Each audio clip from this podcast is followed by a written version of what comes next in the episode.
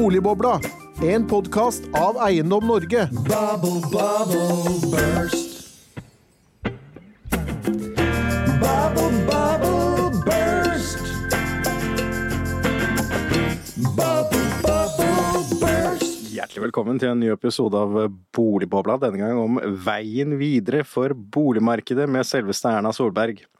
For Veien videre er tittelen på hennes ferske bok. Men hva blir veien videre for boligmarkedet når boligbyggingen nå tikker ned mot historiske bunnivåer, mens befolkningsveksten samtidig er historisk sterkt?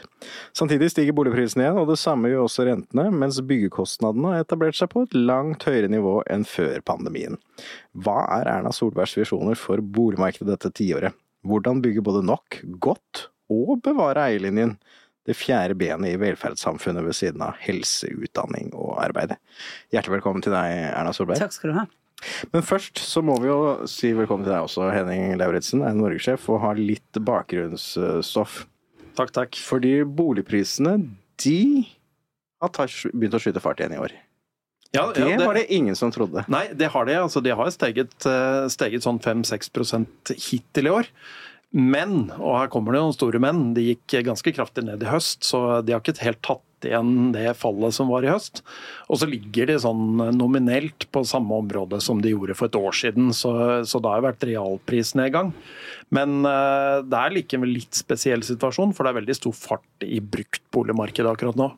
Men samtidig så er det jo da boligbyggingen som altså er på vei ned. Altså det bygges fortsatt mye boliger fordi at det har vært et salg tidligere. Men dette ser jo ikke bra ut. Ja, det gjør det ikke. Og, de, og, disse to tingene kan godt henge sammen. Eh, altså det, er, det selges veldig lite nye boliger. Eh, det kan godt være at vi til sommeren kommer til å komme like langt ned som man var under bunnen under finanskrisen. Vi ligger sånn 2800 boliger over det på tolvmånedersveksten i øyeblikket. Så, så, der går det dårlig. Og da kan det jo bli litt større trykk i bruktboligmarkedet allerede nå, når folk ikke tegner kontrakter på nye boliger. Og så er det jo selvfølgelig det vi er opptatt av, det er jo eierlinjen. Og det måler vi med den såkalte sykepleierindeksen. Ja, det er, jo, det er, jo, flere måter å måle det på. Det ene er jo SSB som, eh, som teller leieforhold og, og eierforhold. Og så, så, forsøker vi å måle om bolig er dyrt. Eh, er bolig dyrt i Norge? Og, og, der er det sykepleierindeksen fra eiendomsverdi som vi bruker, som sier hvor mye du får låne til å kjøpe hvis du tjener eh, det som er veldig likt en norsk gjennomsnittslønn, sykepleierens inntekt på ca. 640 000 kroner. Og eh, I korthet så ser det ganske dårlig ut i Oslo og Oslo-regionen. Det ser relativt greit ut i de andre storbyene i Norge, og så begynner det å bli trangt i bl.a. Bodø og eh, til dels Tromsø. Eierlinjen er det fjerde benet i velferdssamfunnet, sa jeg her på, på innledningen, eh, Erna. Mm. Hvordan, eh, hva er dine visjoner da, hvis du nå skulle bli statsminister igjen i 2025 for boligmarkedet? Nei, noe, av det, viktig, nei, noe av det viktigste vi må gjøre, er jo faktisk å, å sikre at vi bygger nok. For det er klart, um, vi er jo i den situasjonen at veldig mange som skulle klart seg selv, har litt problemer med å klare seg, særlig i Oslo-boligmarkedet. Eh, klart Har du en fast heltidsjobb, så skulle du med litt nøysomhet klare å kjøpe deg bolig, altså en leilighet og kunne bo i det. Men det er klart vi har vært gjennom noen ganske økonomisk turbulente tider. En av de er jo at vi har hatt eh, mangelvarer på mye innenfor byggenæringen òg, som har gjort at kostnadssprekkene har vært store. Det gjør jo at mange kanskje bremser litt på nye prosjekter, for de vet ikke helt hva blir regningen til slutt. sant? Og det blir tas inn større risikomarginer en del steder fordi man ikke har helt visst hva som kommer til av, av kostnader. Um, Um, Men ehm, så tenker jeg at det, det vi må gjøre altså Jeg mener det offentliges hovedansvar er jo å sørge for at de som er reelt vanskeligstilte i boligmarkedet, altså de som eh, vil ha vanskeligheter med å kunne klare å skaffe seg en egen bolig i en normal situasjon, eh, og da snakker jeg ikke om ungdom som syns det er vanskelig å få sin første bolig, men ungdom som over til Da snakker du kanskje mer om boevne? Bo, jo, nei, ikke boevne, for det, det, er noe annet igjen. Det er en liten gruppe som har vanskelig boevne, men det er, det er folk som har Det er folk som er f.eks. delvis trygdet hele livet sitt, og som skulle hatt mulighet til å komme inn i en bolig og komme inn. Altså, folk som har funksjonshemminger, folk som har andre utfordringer, eller personer som har, kanskje lever i litt vedvarende fattigdom, men, men eh, fordi de er mange barn og annet. Det er, mange, det er en del som er vanskeligstilte i boligmarkedet, og som kommer til å trenge noe direkte med hjelp fra det offentlige, eller en annen måte å tenke på. Eksempel eh, at boligtilskuddene våre fungerer og den type ting. Men så har du selvfølgelig også dette fra, til, eh, altså fra leie til eie, eh, som vi har vært opptatt av at flere bør tilby. Obos har blitt flinke til å gjøre det, som kan hjelpe en del av de som er på terskelen til å komme inn, men som mangler, mangler egenkapitalen. Du, har, du, har som, du har de som er reelt sett vanskeligstilt i et vanlig boligmarked og trenger noen form for hjelp. Og så har du de som har vanskeligheter med å skaffe seg egenkapitalen til å klare boliglånet. Og så har du selvfølgelig mange unge som det er dyrt å kjøpe for uansett, men, men som i utgangspunktet kan, kan klare seg. Så er det viktig å huske Gjennomsnittsalderen for de som kjøper bolig i Norge, er 28, altså førstebegangsboligen, er 28 år. Den er 28,8 i Oslo, og det har ligget utrolig fast over lang tid. Uansett hvor mye vi har snakket om at dette blir verre og verre. Eh, så, så um, det som har vært forbausende nå, er jo egentlig at, eh, at uh, med renteøkningen, at det ikke har vært en større effekt i boligmarkedet, den har nok mye å gjøre med at eh, folk både har sikker jobb, derfor tåler litt mer, eh, og at de ikke er usikre på jobben sin, og det andre med at vi har bygget for lite. Mm. Men hvis du spør meg liksom hva vi må gjøre mest av fremover, så er det jo Vi går inn i et kommunevalg, og stort sett alle våre kommunepolitikere, eh, der hvor det er litt press i boligmarkedet, har jo sagt veldig tydelig fra vi er nødt til å kutte saksbehandlingstider. Mm. Fordi at eh, saksbehandlingstider øker kostnaden. Det folk må, må, huske at det der å utsette prosjekter, ikke få det i gang tidsnok, alt det, det utsetter og det øker kostnadene. Eh, du må sitte med forvaltning av eiendom over lengre tid som, kan, som du ikke kan sette i gang og, og, gjøre noe med. Eh, men det er også det at du må Og så må kommuner ehm, eh, De må regulere mer enn det det kortsiktige behovet er. Og det tror jeg er mange som glemmer. Liksom. De tenker de skal behandle alle sakene som kommer inn. Men, men, en del kommuner, sånn som Oslo, bør regulere nye områder for nye, større utbygginger. Og sikre at de har det. Det henger jo sammen med samferdselsplanleggingen og alt annet. Men du, du kommer ikke helt i havn bare med eplehagefortetning eller høyhus og sånn. sant? Det er nærmest høyhus eller, eller annet. Så det er noen dilemmaer vi står i. sant? Vi, de, vi, må, vi må fortsatt se at veksten i Oslo-området betyr at du er nødt til å og, og, skape flere leiligheter. En av grunnene til at jeg har ivret veldig for Ringeriksbanen, er jo at en halvtime utenfor Oslo med tog, så har du et stort område hvor det faktisk er ganske store potensialer for utbygging. Det, det liksom, da bygger du en helt ny tilknytning til inn mot Oslo. Sant? Du har i og for seg Drammensområdet, og så har du, du Lillestrøm-området, og du har ned til Moss, men du kan også bygge opp til Ringerike. Og så kan du over de neste hundre årene realisere ganske mye mer innenfor en, en, en en avstand som er ikke så dårlig, altså som er ganske levelig for, for mange å pendle. Det er ikke sannsynligvis så forferdelig mye lenger enn hvis du skal ta T-banen fra de ytre delene i Groruddalen og inn til sentrum. Mm. Ja, det er en halvtime det også, omtrent. Ja, det er det. Sånn. Man må huske det der at det er avstanden er så, så, det er viktig at vi ser de som sammenhengende. Så min visjon er at vi klarer å bygge mye mer. Eh, og, og, men da må vi på alle trinn være opptatt av at vi skal bygge mye mer. Og det dreier seg særlig om å kutte saksbehandlingstid. Så må vi som politikere rydde litt i hvor mange krav vi legger på de boligene. For vi er vi har, noe, vi har, noen ønsker om at vi har kjempebra boligområder, fine verdier, men vi må også ha boliger som folk har råd til å bo i. Ja, fordi at Noe av diskusjonen når det gjelder byggekostnader, er jo det at kanskje er det sånn at de lave rentene de siste, siste tiårene, og mer enn det også, har gjort at vi egentlig bare kunne lesse på kravene, og, og, og drevet sånn sett også kostnadene til boligbygging opp. Selv om da selvfølgelig Johan Tore Sanner være et eh, unntak i så måte, og faktisk klarte å redusere noen ting. Men eh, hvis du da skulle bli statsminister igjen, eh, vil du fortsette dette arbeidet da? Ja da. Og så vil vi samtidig jobbe med de som er mest vanskeligstilte. For vi ser jo at de trenger hjelp. Jeg, jeg er opptatt av at er du, er du funksjonshemmet, også psykisk utviklingshemmet, så må du kunne eie din egen bolig i Norge. Du, hvis du, altså, det er mulig. Det å bo til leie mange steder er egentlig en liten fattigdomsfelle over tid. Sant? Og markedet, bo til leie, det er noe du kan gjøre midlertidig i tider av livet ditt hvor du, hvor du ikke helt vet om du skal bli boende der her eller være. Sant? Altså det, de fleste bør tenke på at sånn som vårt boligmarked er, så, så er, er, det, er det viktig å eie sin egen bolig.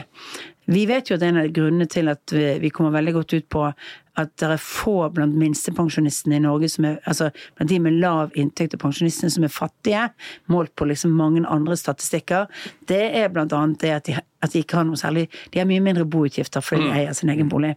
Eh, og, og det, det, er en del av disse velferdsbitene. Sant? Det er, eh, og det er kanskje den velferdsbiten vi har aller størst ansvar for å håndtere selv.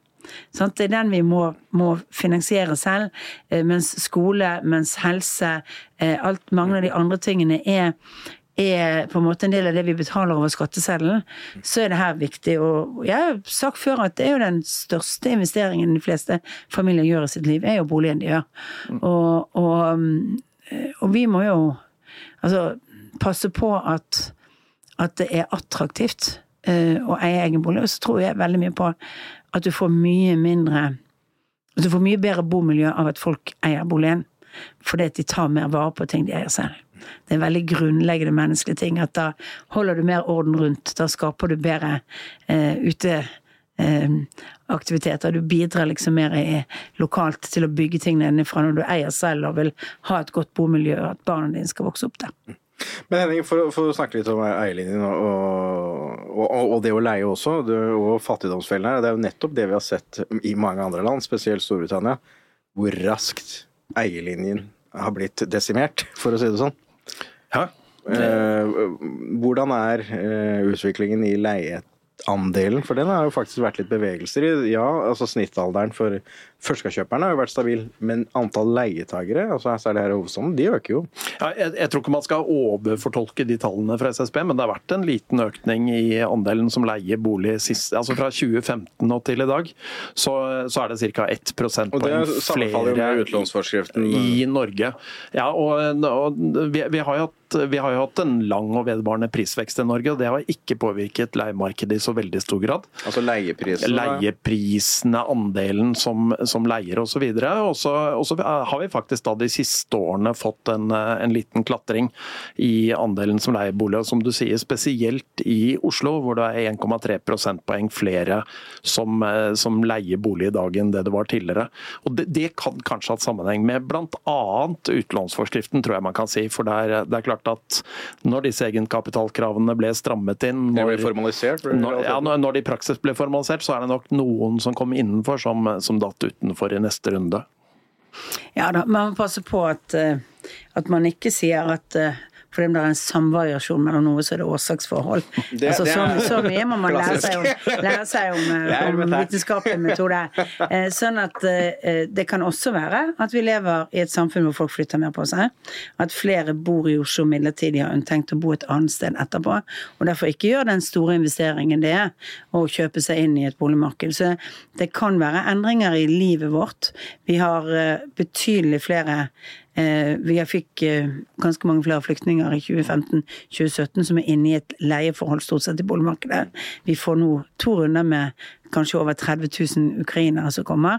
Så det er mange ting som påvirker, og, og 30 000 mennesker gjør en liten bidrar også i denne typen statistikker. Mm. Sånn at man må huske at det, at, at det kan være litt, uh, være litt ulikheter i, i, i, Altså andre ting som kan være med enn akkurat det man selv er mest politisk opptatt av. Uh, jeg møter mange ganger folk som tror at akkurat deres yndlingssak er de som, det, er det som er årsaken til, det, til, ting som skjer. Uh, men, men Og det vil nok kanskje vi se mer av, at folk fordi de kanskje har en begynnerjobb i Oslo eller en begynnerjobb et annet sted, bor til leie eh, mer fordi de ikke nødvendigvis permanent har flyttet eh, til det. Eh, og, og, at folk også Altså Boligforskriften mener jo jeg er, er viktig. Altså, fordi at Altså, jeg satt på Stortinget under bankkrisen. Jeg satt i finanskomiteen. Når vi holdt på med, ja, sant, sant. Vi satt i finanskomiteen holdt på med bank, og så var jeg ute, og så kom bank. Skrev kjedelige merknader som jeg skrev om dette i boken, og sånn. sant, mm. om, om sånn, og, og, eh, og jeg tilhører den generasjonen som opplevde et skikkelig boligkrakk. Med konsekvensene det hadde med banker som gikk konk. Og som vi kjøpte, ja, ja, som, vi, sånn som man måtte kjøpe opp, og, og staten måtte redde ut. Og ha venner som mistet all, egen, ja, mistet all egenkapitalen sin fordi at eh, de tilfeldigvis eh, mistet jobben og kanskje måtte flytte på seg for å få jobb og skulle selge det boligmarkedet. Skilte seg med gjeld, seg Altså, alt og, og, og det er derfor jeg sier at boligforskriften er også viktig. Fordi at den er en garanti for at du har mer soliditet når du kjøper, og det er en garanti for at virkningene sammen med andre forskrifter, at ringvirkningene i boligmarkedet ikke blir for store i forhold til hva som skjer andre steder fra. Får vi en, og det, jeg huske at det som gjør at vi nå går bra, er at vi ikke har fått noe altså Vi har jo veldig høy sysselsetting for øyeblikket. Vi kom jo ut av pandemien med en mye sterkere vekstkraft enn det vi trodde. Og det bidrar til litt mer prisstigning, det bidrar til litt utfordringer på områder, men det bidrar jo også til at folk er trygge den jobben de har, og at de da ikke er så redd for kanskje å ta det lånet, gå inn i boligmarkedet. Um, og eh, det er en liten positiv verdi i det, òg, for de som har vært igjennom det motsatte, vet jo at det kan ta Altså, når folk tapte på et tidspunkt 50 og 100 000 i egenkapital gjennom den, så var det vanskelig å få igjen. Sant? Eh, Og jeg kjenner jo folk som tapte ganske grundig, for de ikke kom seg inn igjen i boligmarkedet på det tidspunktet pga. mangel på jobb eller lånemuligheter akkurat da. Jeg var litt heldig. Sant? Jeg kjøpte bolig i 1990, men det første året bunnen, ja, Nei, det var ikke på bunnen. Bunnen var i bunnen, 92. nesten på bunnen. Og jeg vet hvorfor det ble, fordi leiligheten under meg ble solgt et år etterpå, og den, den var 20% billigere enn min leilighet. Sant? Ja, nesten sånn. Sant? Altså.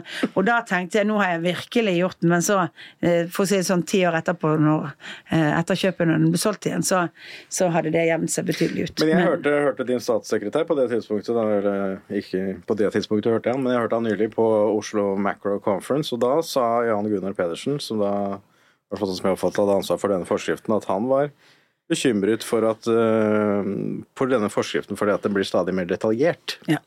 Ikke sant? Og at re- regulerer du da kreditt et sted, så tyter det da ut på noen andre måter, og du får omveier osv. Ja. Er du ikke bekymret for, for den, hva skal du si, tilpasningsproblemer og spillover-effekter? Altså, altså, og det er jeg enig i, og hvis du blir for detaljert i en del av det, og ikke tenker at det i hovedsak er soliditeten, både på låntakerne, men også for bankene, som på en måte blir en hensyn at vi ikke utsetter oss selv for stor, for stor systematisk risiko også etter hvert, at det betyr ganske mye. Eh, at folk er klar over det. Så det er klart, eh, det å, å ha, når du har null rente, og fortelle folk at du må kunne leve med 5 rente, eh, og at det må du sant? Det er det jo ikke alle som lytter til. Det kommer jo fort, da.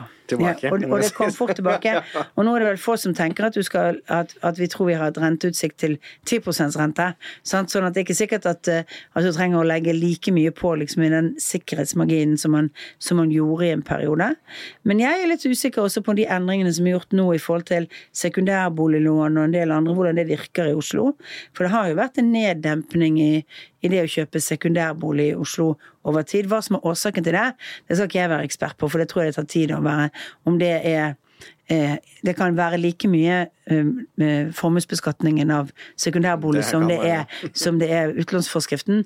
Men, eh, men, men det er viktig å følge med på det, for vi, er, vi må jo passe på at vi forsøker at boligmarkedet er tilgjengelig for de som skal ha det som primært som bolig, og ikke de som primært enten skal ha det som hytte eller et investeringsobjekt. For vi må tenke at når vi snakker om velferdsgode, så er det primærboligen din som er velferdsgode. Og det leder jo også da over til en veldig aktuell sak nå, da, som du også er innom, og det er jo skatteutvalget. Og eh, det skatteutvalget i realiteten eh, foreslår, er jo å skattlegge bolig mer eller mindre som et alt annet formuesobjekt i økonomien. Ja, jeg syns jo det var veldig rart, for eh, jeg satt jo i den regjeringen som fjernet uh, fordelsbeskatningen av å bo i egen bolig. Mm. Det var nemlig helt umulig å forklare velgere og folk hva fordelsbeskatning av eh, altså hvorfor man hadde det. Eh, og så er det klart at eh, og, det kan dras ut i parodien. Sant? Det er fordelsbeskatningen av å ha eget kjøkken og lage egen mat. Altså du kan dra ut liksom parallellene til det. Og så syns jo jeg, og derfor har vi foreslått på Stortinget at man skal ha en gjennomgang av boligbeskatning, altså av, av hvordan man reelt sett i, eh, sammenligner sammenligner med andre land. For det foretar så mange lettvinte sammenligninger. Man dropper inn, så ser man f.eks. For i forbindelse med formuesskatten, så sier man jo, men det betales mer for eiendom og formue i andre land. Eh, nei, kanskje ikke hvis du tar med fradragene som er der. sant? Hvis du, så, noen, og, og en av de tingene er jo eksempel at grunnen til at man sier man skal ha denne fordelsbeskatningen, det er jo at det er fordi man ikke har gevinstbeskatning. Men i mange andre land har du masse andre ordninger som gjør at du har fratrekk for moms, har fratrekk for vedlikeholdsutgifter.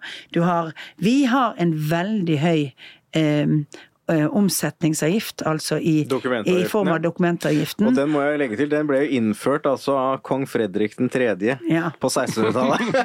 Ja da, det var før vi snakket om jeg, sin egen bolig som en grunnleggende velferdsgode. Men, men eh, sant, den er jo en stor inntekt i den, og det er en stor kostnad for de som kjøper. eh, Og du kan jo si at det er urimelig at borettslagsboliger ikke har den måten med, når man er likestilt på alle andre områder, men å forsøke å gjøre noen endringer på det Jeg var kommunalminister og hadde ansvar for dette for lenge siden. Da kom det et utvalg som foreslo å fjerne eh, Altså å, å sette ned, eh, sette ned eh, avgiften og eh, og rett og slett eh, men, men gjøre det på alle boliger. Det ble det veldig mye bråk med. Så det ble Det aldri noe av. på. Da var jo ikke Obos fornøyd, tenker jeg. Nei, nei, nei, det var mange som ikke var for det. Og, og, så, og det var veldig nei, Ja, og det var veldig mye øh, men, øh, men jeg tenker at man, hvis man tenker at den at det er den grunnleggende velferden. Og når vi har gjort de endringene vi har gjort på sekundærbolig, vi har gjort en del ting de siste årene som det virker som om, som om sosialøkonomene har glemt litt. Når de holder fast med alle de andre Ja, tingene. det kan virke som de har glemt den- at boligbeskatningen eller eiendomsbeskatningen generelt sett har blitt ganske blitt- mye høyere det siste tiåret pluss. Ja, og at man da sitter igjen med at den boligen du bor i, det er et velferdsgode som, er, som er helt grunnleggende. Og at det er når du investerer i andre ting, du kanskje kan se på det mer som en investering tilsvarende det andre har. Altså andre investeringsobjekter. Men det å bo i din egen bolig, det, det har jeg problemer med å definere som et investeringsobjekt som du kan Du kan liksom ikke bare selge to kvadratmeter på hjørnet for å beskatte betale skatten. Det var vel det var ikke det det som var forslaget her fra Kaski til en av disse Du kunne bare selge noen aksjer. Ja, sant, her i en debatt så kunne vi sagt du kan selge to kvadratmeter på hjørnet. selv Selg balkongen, så kan du betale skatten. Nei. Nei, så, så det, blir noe, det blir ikke noe skatteforlik med deg og regjeringen, er vel det du kanskje sier Det ble i hvert fall ikke noen forlik.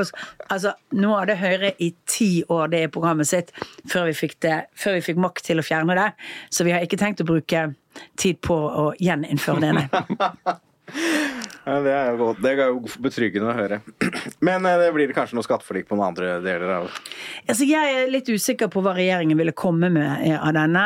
Jeg har en følelse av at de har øh, at utvalget har liksom tatt opp alle sakene og liksom i luften og, og tatt et sånt sosialøkonomisk eh, system eh, og sett på det hva er å være perfekt.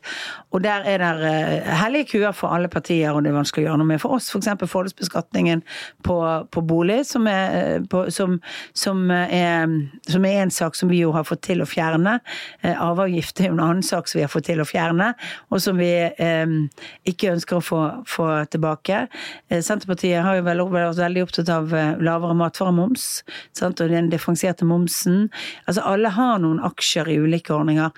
Kanskje det kan være noe, noen ting å se på. Det jeg er litt redd for, er jo at Altså det Utvalget har jo laget en modell hvor egentlig skatt Altså hvor, hvor, hvor, eh, hvor en vanlig familie sitter igjen med omtrent like mye, men det bare skattes på en litt mer korrekt måte. Men hvis du tar enkeltbiter av dette, så blir det veldig forskjellig. Ja, så Det blir jo egentlig litt rart, sånn som han uh, Torvik sa da han leverte øh, utredningen. Så sa han ja, her er en meny dere kan plukke Ja. fra. Det var ikke det, det som var hensikten da du Nei, nei for det, det som var hensikten var at du ikke skulle gjøre et sånne stykkevis og delt, men at man skulle se på sammenhengene og hva som var viktigst. Og jeg syns, kanskje utvalget ikke traff på alltid hva som var viktigst. De traff på liksom her kan vi gjøre noe med alt. Og, det, eh, eh, og så tror jeg at eh, i dag så er for mitt vedkommende eh, eierbeskatning for høyt. Eh, Kombinasjonen formuesskatt og utbytteskatt er for høy i Norge i forhold til de verdi, den verdiskapingen vi vil ha eh, fremover, og sørge for at Norge er et interessant land å videreutvikle næringer i. Eh, Vi mener jo at vi bør stimulere til mer arbeidsinnsats. Synes jo det er morsomt når Og det er jo det boken din egentlig handler om. ja. Og der hadde jo vi et forslag for de under 30 med lavere altså med et arbeidsfradrag for alle under 30 som jobbet, eh, eh, som eh, for å få, med lave inntekter. Ikke for, de som, ikke for de som kom ut med full utdanning og ferdig med, med og sånn, men for de som hadde under 500 600 000 i inntekt, så ville de fått en betydelig løft for å kunne få ungdom til å, å både jobbe mer, men også eh, kanskje få noen av de som er på vei ut av arbeidslivet til faktisk å holde fast med å være der. Jeg syns jo det er interessant. De lager et stort forslag om stort arbeidsfradrag i, i Torvik-utvalget, altså i selve skatterapporten. Og jeg så jo at finansministeren også uttalte at han, eh, at han ville se på eh, et, arbeid, et arbeidsfradrag for de med lave inntekter. Men det var det de tok ut av statsbudsjettet 2022. Ja. Altså, det, har, det har vi foreslått, det la vi inn, eh, og det tok de ut. Og jeg tenker at det og til og med så husker jeg at Arbeiderpartiet mente at det var patetisk og usosialt. Det var ikke måte på når vi, hadde, når vi hadde det i programmet. Men det er jo riktig at vi honorerer og sørger for at de som har lave inntekter, sitter igjen med litt mer av inntekten sin når de jobber. Sånn at de faktisk kan kjøpe bolig, da. Ja, ja for sant? det For at, eksempel. ja, blant annet. For, det at du, for du kan bygge opp egenkapitalen bedre. Jeg syns også at det er forferdelig dumt at man har gjort de endringene man har gjort i BSU. Og det er alltid noen som kan si Jeg syns det var litt rart at det var tre partier som ble enige om dette på Stortinget, og, ing, og alle sa nei, vi var egentlig ikke for dette, men vi var mer for noe annet vi ville gjøre. Jo, men det gjør det vanskeligere for mange ungdommer å ha nok av den egenkapitalen. Og så er det selvfølgelig noen som har sparepenger som de kan flytte fra en konto til en annen. Men det er jo ikke så dumt å huske på at det er ganske mange 18-19-20-åringer som begynner å jobbe i Norge. Det det. Og at de som har yrkesutdanning og annet, kanskje får litt lengre tid til å bygge opp den kapitalen. Og at alle ikke liksom ferdigutdannede akademikere som går ut i 700 000 kroner i lønn. Det er ganske få av de, faktisk. få ja, de. Og at, at det der å spare opp egenkapitalen, eh, det, det å ha et insentiv til det. Og nå syns jeg insentivet er blitt ganske mye mindre med det de har gjort. Og det, det tror jeg er litt feil vei. Jeg tror jo at ved siden av det å stimulere til arbeid og sørge for at vi får investeringer, så tror jo jeg på et generasjonsperspektiv i skattesystemet vårt. Jeg tror jo at sånne som meg, som har som er godt blitt over Etablert. 60 år og etablert og har holdt seg til én mann i livet, sant? Og, altså ikke reetablert seg, og dermed på plussiden pluss- sånn plussiden i bolig, boligmarkedet. Sant? Ja, plussiden i boligmarkedet. Og har faktisk valgt det. Altså, jeg er jo gift med en sunnmøring, så vi er jo nedbetalt boliglån og gjort sånne ting. sånn at vi har Men du er på jakt etter en hytte, da? Har jeg også. ja, vi har vært på jakt etter en hytte, men det er blitt for dyrt for oss. Dyrt, ja. men, eh, eh, men jeg sier, det er ikke urimelig at vi betaler litt mer skatt, og at det er noen fradrag for de som er unge, og noen muligheter for de å bygge opp egenkapital, sånn som boligmarkedet. faktisk, altså Du nevnte jo Kari Elisabeth Kaski, og de har jo faktisk et godt forslag. Det, det å differensiere dokumentavgiften. I hvert fall begynne der. Ja, vi har jo også Fritak et landsmøtevedtak på, unge, og, landsmøtevedtak på det samme på førstegangsbolig, at vi skal redusere dokumentavgiften. Vi har hatt litt problemer med å finne måter å gjøre det på, for å være sikre på hvordan du gjør det. Men, men det er blant de tingene som også har vært i vår, vår politikk, å finne frem til måter å differensiere og ta, ta ned. Om det blir fullt fritak, eller om det bare blir en reduksjon. Eh, Det er viktig, Hvis du fjerner hele dokumentavgiften, så ville du fått det er så ville du- 12,6 milliarder ja, det er dyrt, og så ville det betydd at uh, veldig mange uh, Altså alle har Altså prisen hadde sannsynligvis steget også i forhold til det.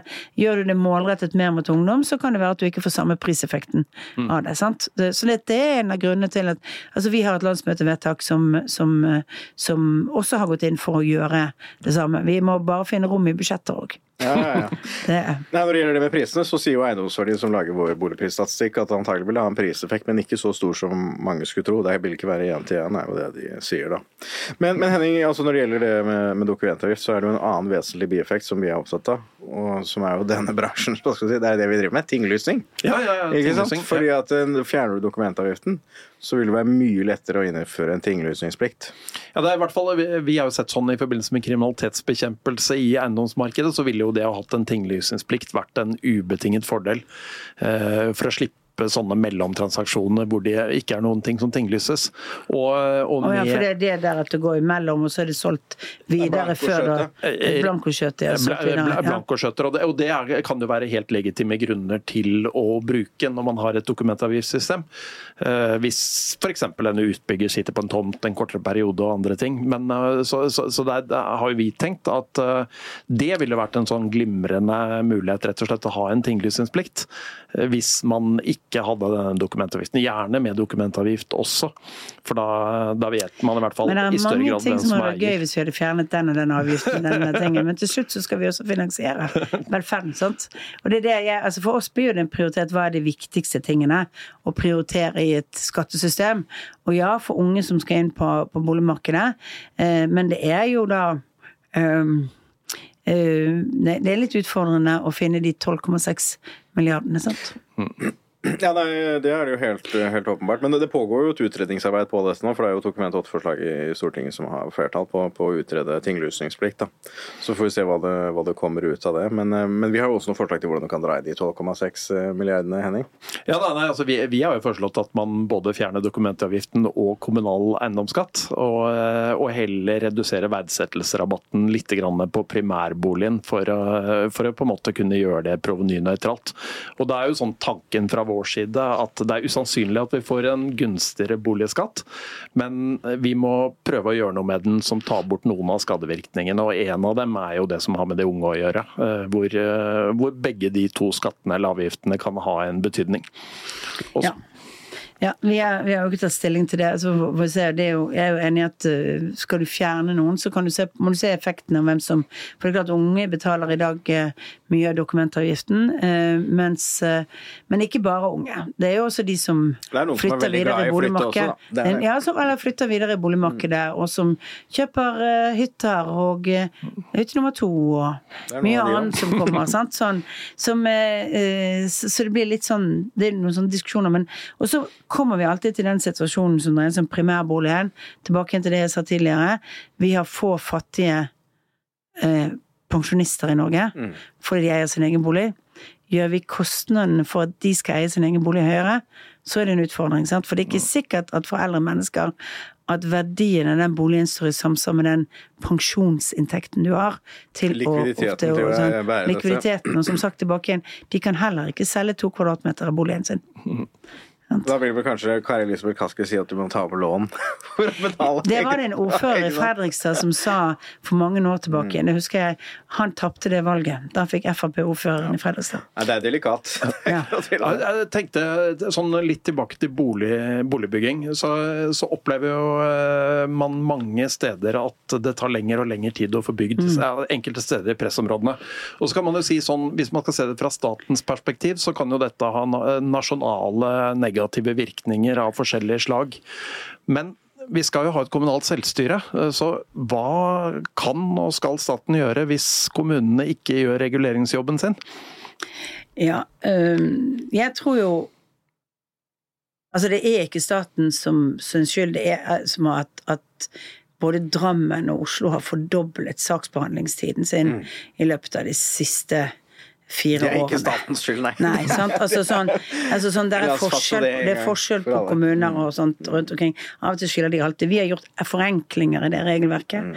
Eh, Jeg, eh, jeg tror det har mye å gjøre med politikere som er redde for å ta vanskelige beslutninger. For det, det Det er er alltid beslutningsvegring. det blir litt beslutningsvegring, og så, er det, så, og legges det veldig mye krav.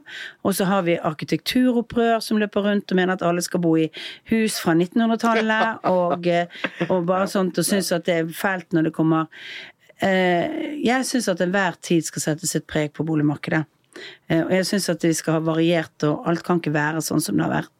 Og så må vi bare si at i den prioritetsstigen nå, må det at det er nok boliger til folk, komme. Fordi vi har så mange andre prioriteter som gjør at ting blir senket. Oslo har en særlig utfordring knyttet til at det også er selvfølgelig Uansett hvor du bor, så er det masse naboer, og det blir naboprotester og sånn. Men det er ikke blitt flere, så veldig mange flere naboer på de siste fire årene heller. Så det er jo noe med systemet som har gjort at du må bygge raskere.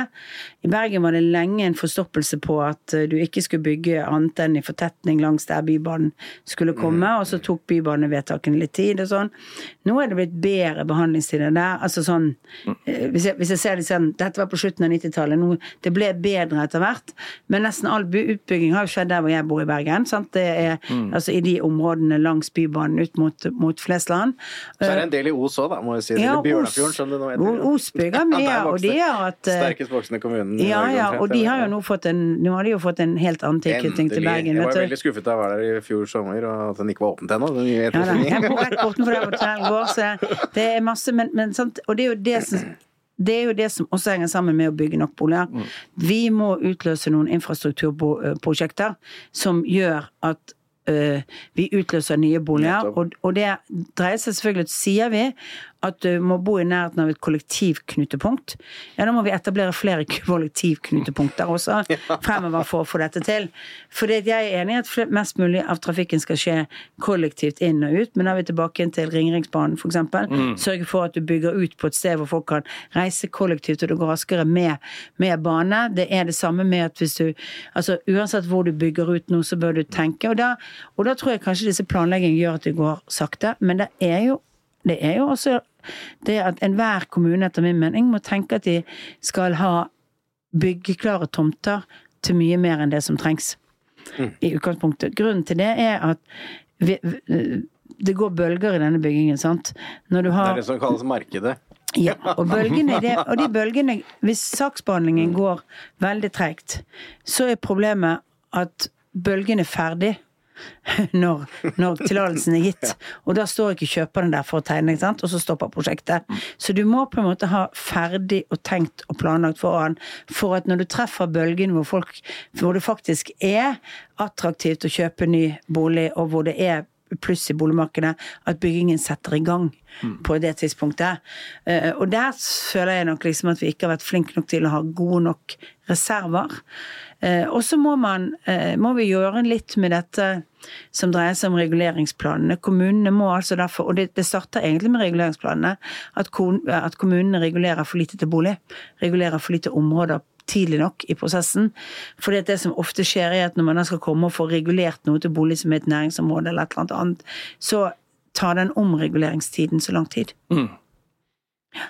Så det Men, eh, men eh, staten burde vel kanskje ha noen forventninger, da, når, når kommunene da er si, de som gjør jobben da, med reguleringsarbeidet. Så bør jo da staten si ok, vi vet nå antagelig befolkningen, prognosene prognosen til SSB sier slik og sånn. Det tilsier at eh, boligbehovet vil være slik og sånn. Da bør kommunene altså, Du har jo vært kommunalminister selv. Jo da, og der er jo, det, der er jo forventninger til kommunene òg. Men jeg tenker liksom at eh, kommunepolitikere må ha forventninger til seg selv. Ja. Altså, det, er sånn, Det er- litt sånn at noen skal sitte der og ha forventninger og si sånn. Det er jo ikke dumme, de folkene som stiller til valg til kommunene. De er ganske glupe. De er opptatt av altså, sånn Bergen Det er frihet under ansvar, Ja, ja. men Bergen Høyre sier jo veldig tydelig i sin valgkamp sant? Altså, at eh, det er en fordel å ha lavere boligpriser enn Oslo for å gjøre det mer attraktivt at folk skal bo her. Sant? Eh, Og eh, da Da må vi bruke dette som en komparativ fortrinn hvis vi skal få flere til å lokalisere seg her. Mm. Hvis du kan ha god skole, god barnehage, eh, gode boliger, og samtidig være en mye gøyere kulturby. Sant? Og eh, så kan Ja, du få flere til å jeg tror flytte faktisk og Bergen har bygd nesten, eh, nesten dobbelt så mange bolig, eh, per ny innbygger som Oslo de siste ti år. Absolutt. Og, Og det har jo Bergen, betydning. og Bergen har en bedre balanse i sitt boligmarked enn Ja. enn det, enn det enn det Oslo har. Så vi må både gjøre infrastruktur og noe annet, og så må vi jobbe med den gruppen som jeg sier. Der er liksom de som trenger hjelp, hvor vi trenger flere som kan få boligtilskudd. Altså jeg må jo si jeg reagerer når du får oppslag om eh, damer som, eh, som det var i avisen her i høst, som, sånn, som betaler mer i leie enn det det vil koste å eie sin egen bolig, og så får du likevel ikke startlån. Jeg laget den startlånsordningen for over 20 år siden med formål nettopp at den skulle hjelpe når du ikke hadde nok egenkapital, til at du kunne komme inn når du likevel hadde store boligutgifter. Fordi man teoretisk mener at, du, at, barna, altså, at kostnadene med det å ha så mange barn gjør at du ikke kan klare deg. Men hvis du de facto bor sånn, så får man begynne å se terreng og ikke, ikke teorien, da. Så jeg tror jo at det er en eh, eh, det, Vi må liksom tenke tredelt da. sant. Altså bygge nok boliger. Sørge for at vi bidrar til egenkapitalbiten til, til ungdom å komme inn. Um, leie til eie-forhold og sånn. Og der er jo vi for å regulere i nye byggeprosjekter at kommunen kan f.eks. fastsette over en viss størrelse at en viss andel skal være være leie-til-eie-prosjekter i et sånt eh, prosjekt. Og da må de store utbyggerne stille opp med det. Og så en mer kraftinnsats på de som har mest vanskeligstilt. Men tilbake, litt tilbake til det med samferdselspolitikk. For dette, det ingen regjering i Norges historie, i hvert fall ikke i nyere tid, har brukt så mye penger på samferdsel som det din regjering gjorde. Det luktet jo asfalt i hele landet, sa Mm. Ja, ja. Kjetil Solvik-Olsen. Og jeg registrerte da vi var i Kommunaldepartementet nylig, så sa en av statssekretærene nei, den skrøt veldig av veiene oppover i Innlandet. Så det er jo åpenbart eh, mange som er fornøyd med dette også i opposisjon, eller altså dagens posisjon. Men de har alltid en ny vei. De har alltid en ny vei. De en ny vei. Det finnes ikke et sted i landet som ikke har et nytt samferdselsprosjekt. nei, nettopp, nettopp, ikke sant. Men, men altså mm, Hvorfor Det man kunne sett for seg, er jo det når en region, en vei kommer, et eh, jernbaneprosjekt, T-bane, hva det måtte være, som får statlige midler, at det burde komme en forventning, eller et krav, Ja. Om at ja, du får dette, men da skal du også regulere så og så mye, eller du skal bygge så og så mye boliger. Altså typisk da, Vi har jo nå fått Follobanen til jeg vet ikke hvor mange milliarder til slutt endte på. Det ble ikke billig. Men altså, det, det bør jo da forventes at det blir skikkelig knutepunkter langs stasjonen her, f.eks. Kunne du ikke formalisert dette, Men dette enda tydeligere? dette er jo dette som er, som er disse bymiljøtiltakene som ikke, ikke altså, Eller som er, som er avtaler. Det er jo egentlig det som ligger i den avtalen mellom stat og kommune rundt noen av de store samferdselsprosjektene. Det er jo også at dette skal være med på å realisere nye store utbyggingsprosjekter. Hvis du tar Stavanger, så er jo bussveien i Stavanger Den ble jo laget og hele var jo fordi det var i sørlige delen av Sandnes at det var størst utbyggingsområder og muligheter for å bygge ut mer boliger uten å berøre dyrket mark. Sant? Og Derfor var det viktig å så få til kollektivløsninger eh, til, til, til de områdene. Så det er nok en tanke som ligger allerede i dag om at du har en felles plan, og, og hvor også da det offentlige skal uh, eh, Staten. Men jeg vet ikke om vi er gode nok på det, både- for det til å fungere. Så. Nei, for Det vi har hørt fra, fra både Sverige og Danmark, er jo det at det er mye mye større krav til kommuner som da får en baneløsning, samferdselsløsning, til og da ok, da forventer vi at du skal levere så og så mye regulert areal. 10 000, 15 000, 5000, altså. For å understøtte den investeringen av fellesskapet. Ja, Det ligger jo i disse avtalene som gjør, så ligger det også en sånn komponent. Det var jo derfor vi også gjorde det, at det ikke bare var en avtale mellom Samferdselsdepartementet og kommunene, men hvor Kommunaldepartementet, og hvor det egentlig var også meningen at man skulle eh, jobbe med det og så realisere områder for boliger. Ja. Så det jo, det ligger i det regelverket som er laget, men om man stiller strenge nok krav til det, det vet jeg ikke. Det var en åpen avslutning. Men Henning, vi, vi må jo innom eh, et annet lite tema eh, som er veldig viktig for vår bransje, og det er jo noe som du skriver om i boken. Og det er jo elektronisk tinglysing. Ja. Henning, du må fortelle. Nei, det har jo vært eh, en av de store suksesshistoriene i bransjen, som jo også skrives om i boken. Rett og slett å få til dette som effektiviserer kraftig, gjør det bedre for alle partene, gjør at penger kan utbetales raskere, og, og spare for masse Ja. unødvendig transport og arbeid og andre ting. Og det, dette er jo et, eh, kanskje det mest vellykkede DSOP-prosjektet, i hvert fall sånn som, som vi har sett av alle. Og det, dette fortsetter framover, og dette blir jo veldig spennende å følge. og jeg tror jo her er det mange andre land som misunner oss det vi har fått til. For det sånn eh, samarbeidet mellom offentlig og privat man har fått til der, er ganske unikt.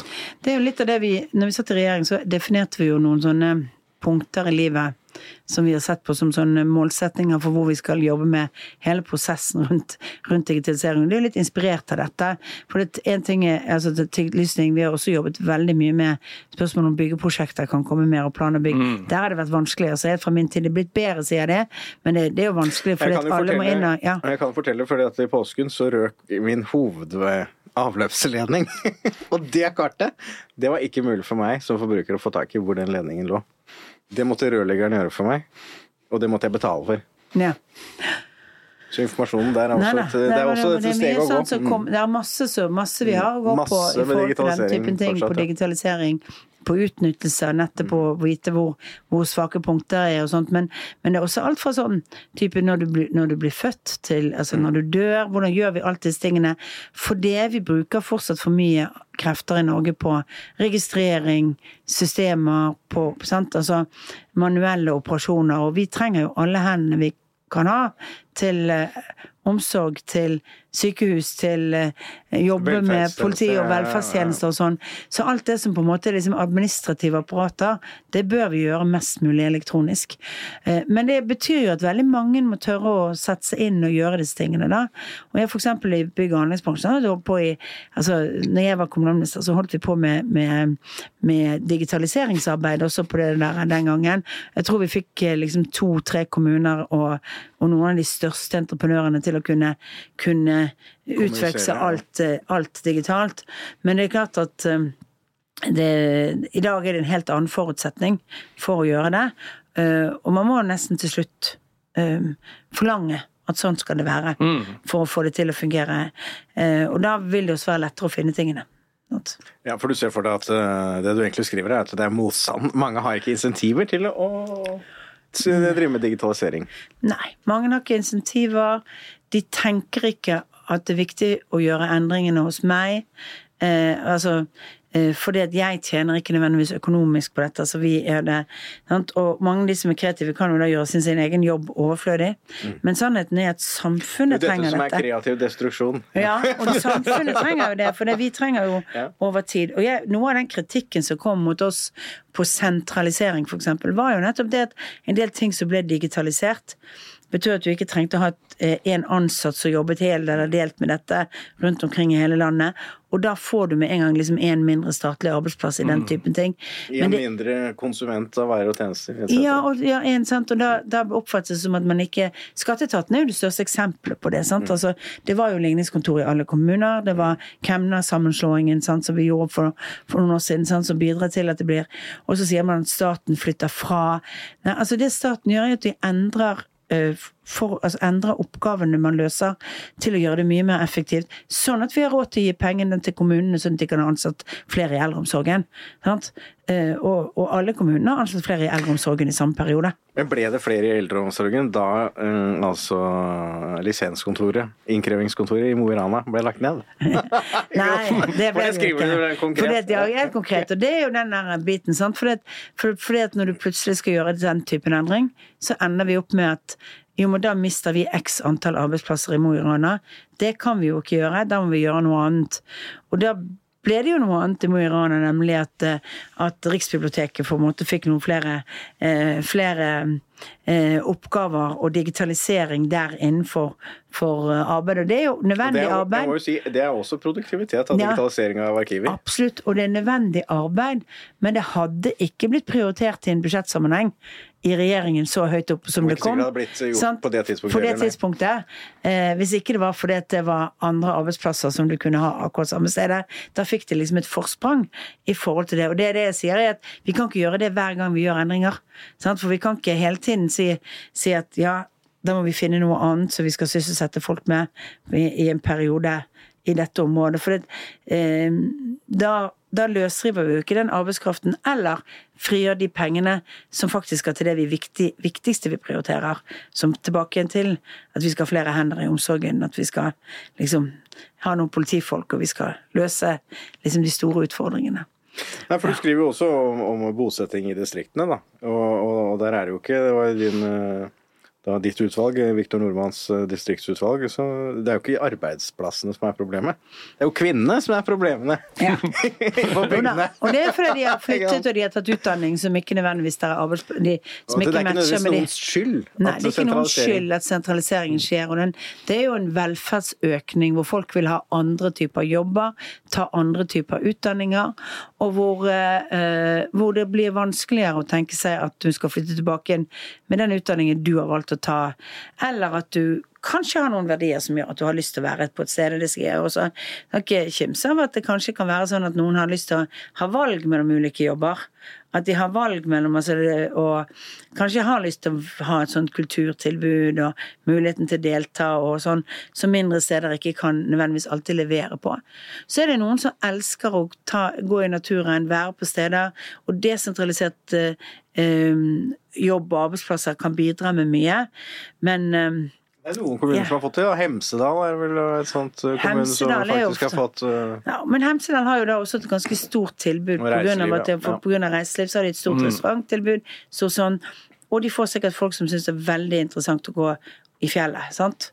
Eh, Sogndal har vært ganske god på dette i forhold til eh, både utdanningsinstitusjonene der, men også en del selskaper som har Og det igjen, de appellerer til folk som liker å gå fjell og stå i bratte bakker og den typen ting. Um, Frøya er jo et veldig vekstområde, men de gjør det jo pga. oppdrettsnæringen. sant? Og, og der har de hatt en veldig god politikk på å sørge for at det bygges nok boliger, og at eh, de tilbyr jobb til. altså det er eh, Både mann og kone.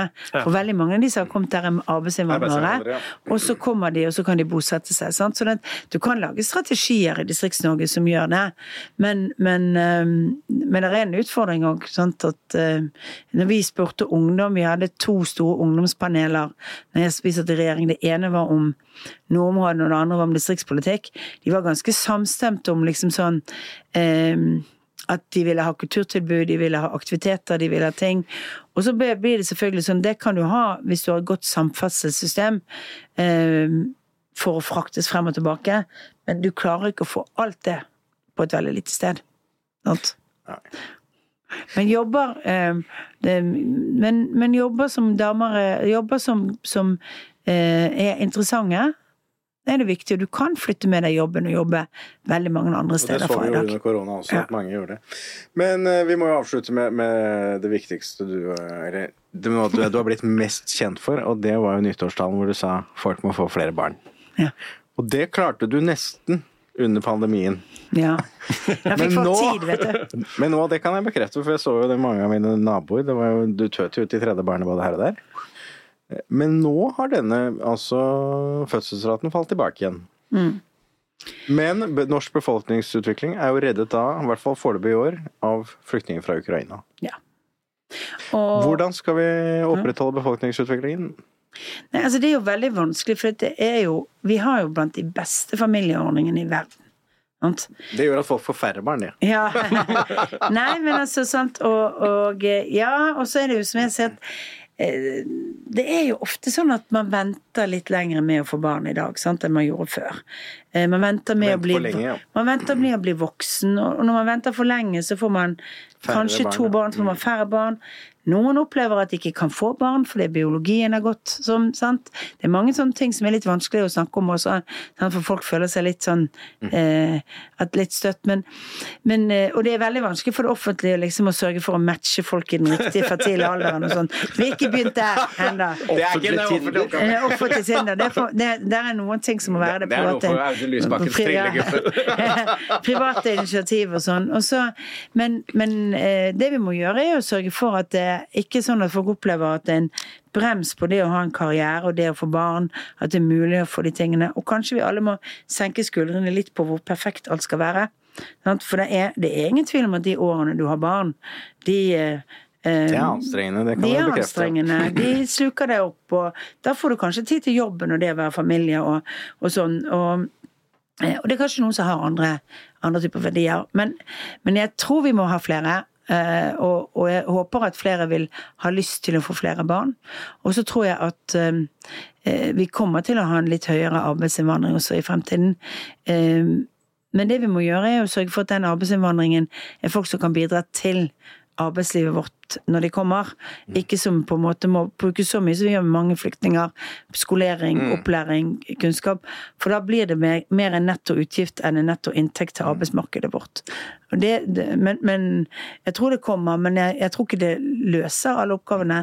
Det er derfor jeg får litt reformer og litt digitalisering og tenker vi må flytte Vi må bruke den arbeidskraften vi har på en god måte, og så må vi sørge for at folk som kan jobbe, får jobbe. Rett inn i arbeid, så boligeier. Ja. Men vi må jo avslutte med vår faste spalte, og vi spør jo alltid gjestene din første bolig. Hva kjente du, hva følte du, hva betalte du? Det er fritt valgt å svare på det siste. Min din første første, min første bolig som jeg eide Mm. Ja, altså jeg kjøpte jo leilighet i 1990. Eh, En, en sånn eh, gammel Med Sindre, da? Ja. Nei, nei, det, det var var, alene. Ja. Eh, og ehm, den var jo veldig svær. Den var 130 kvadratmeter. Seks rom. Og, eh, det var jo boligkrekk. Og jeg var blitt stortingsrepresentant. Jeg hadde jo jeg hadde bodd, jeg hadde bodd i, da, i nesten ti, eller i åtte år på to rom, kjøkken og do som var satt slått gjennom spisekammer uten, uten dusj, da. Men dette var jo en veldig gammel leilighet da, som ikke var, ikke var noe særlig pustet opp. Eh, Så jeg betalte jo nesten 600 000 kroner for den leiligheten den gangen. i. Bergen, da, ja. I Bergen. Um, boliglånet mitt var på eh, jeg tror det var oppe i 12% på det Ja, høyeste. Ja. Så jeg brukte 40% av inntekten min til å betale for den Hadde boligen. kollektiv, da, eller hva? Jeg hadde to venner som bodde sammen med meg. Det var derfor vi kjørte. Ellers hadde jeg kjøpt litt mindre, men jeg syntes det var, var praktisk å dele med noen. For jeg var jo da, pendlet jo da frem og tilbake til Oslo. Ja, for du var jo Sånn, stortingsrepresentant. sånn at eh, de første årene så delte jeg leilighet med, med, eh, med mine venner. Men eh, eh, Men eh, det var en eh, grei leilighet, men det var fjerde etasje uten heis. Mm. Så når du har et barn på to år og en baby som, baby som er nyfødt, og så skal du, så må du opp trappene. Da, da begynte vi å tenke på å kjøpe et hus med hage. Og det gjorde vi etter det. I år 2000. Ja, det var en veldig bra historie. Nei, men hjertelig takk, Erna Solberg. Dette var en glede. Hjertelig takk til deg, Henning Lauritzen. Og vi Boligpopla, vi er tilbake med, med nye episoder før du vet ordet av det. Så mm. takk for denne gang. Selv takk. Mm. Boligbobla, en podkast av Eiendom Norge. Bubble, bubble, burst. Bubble, bubble. Bubble, bubble.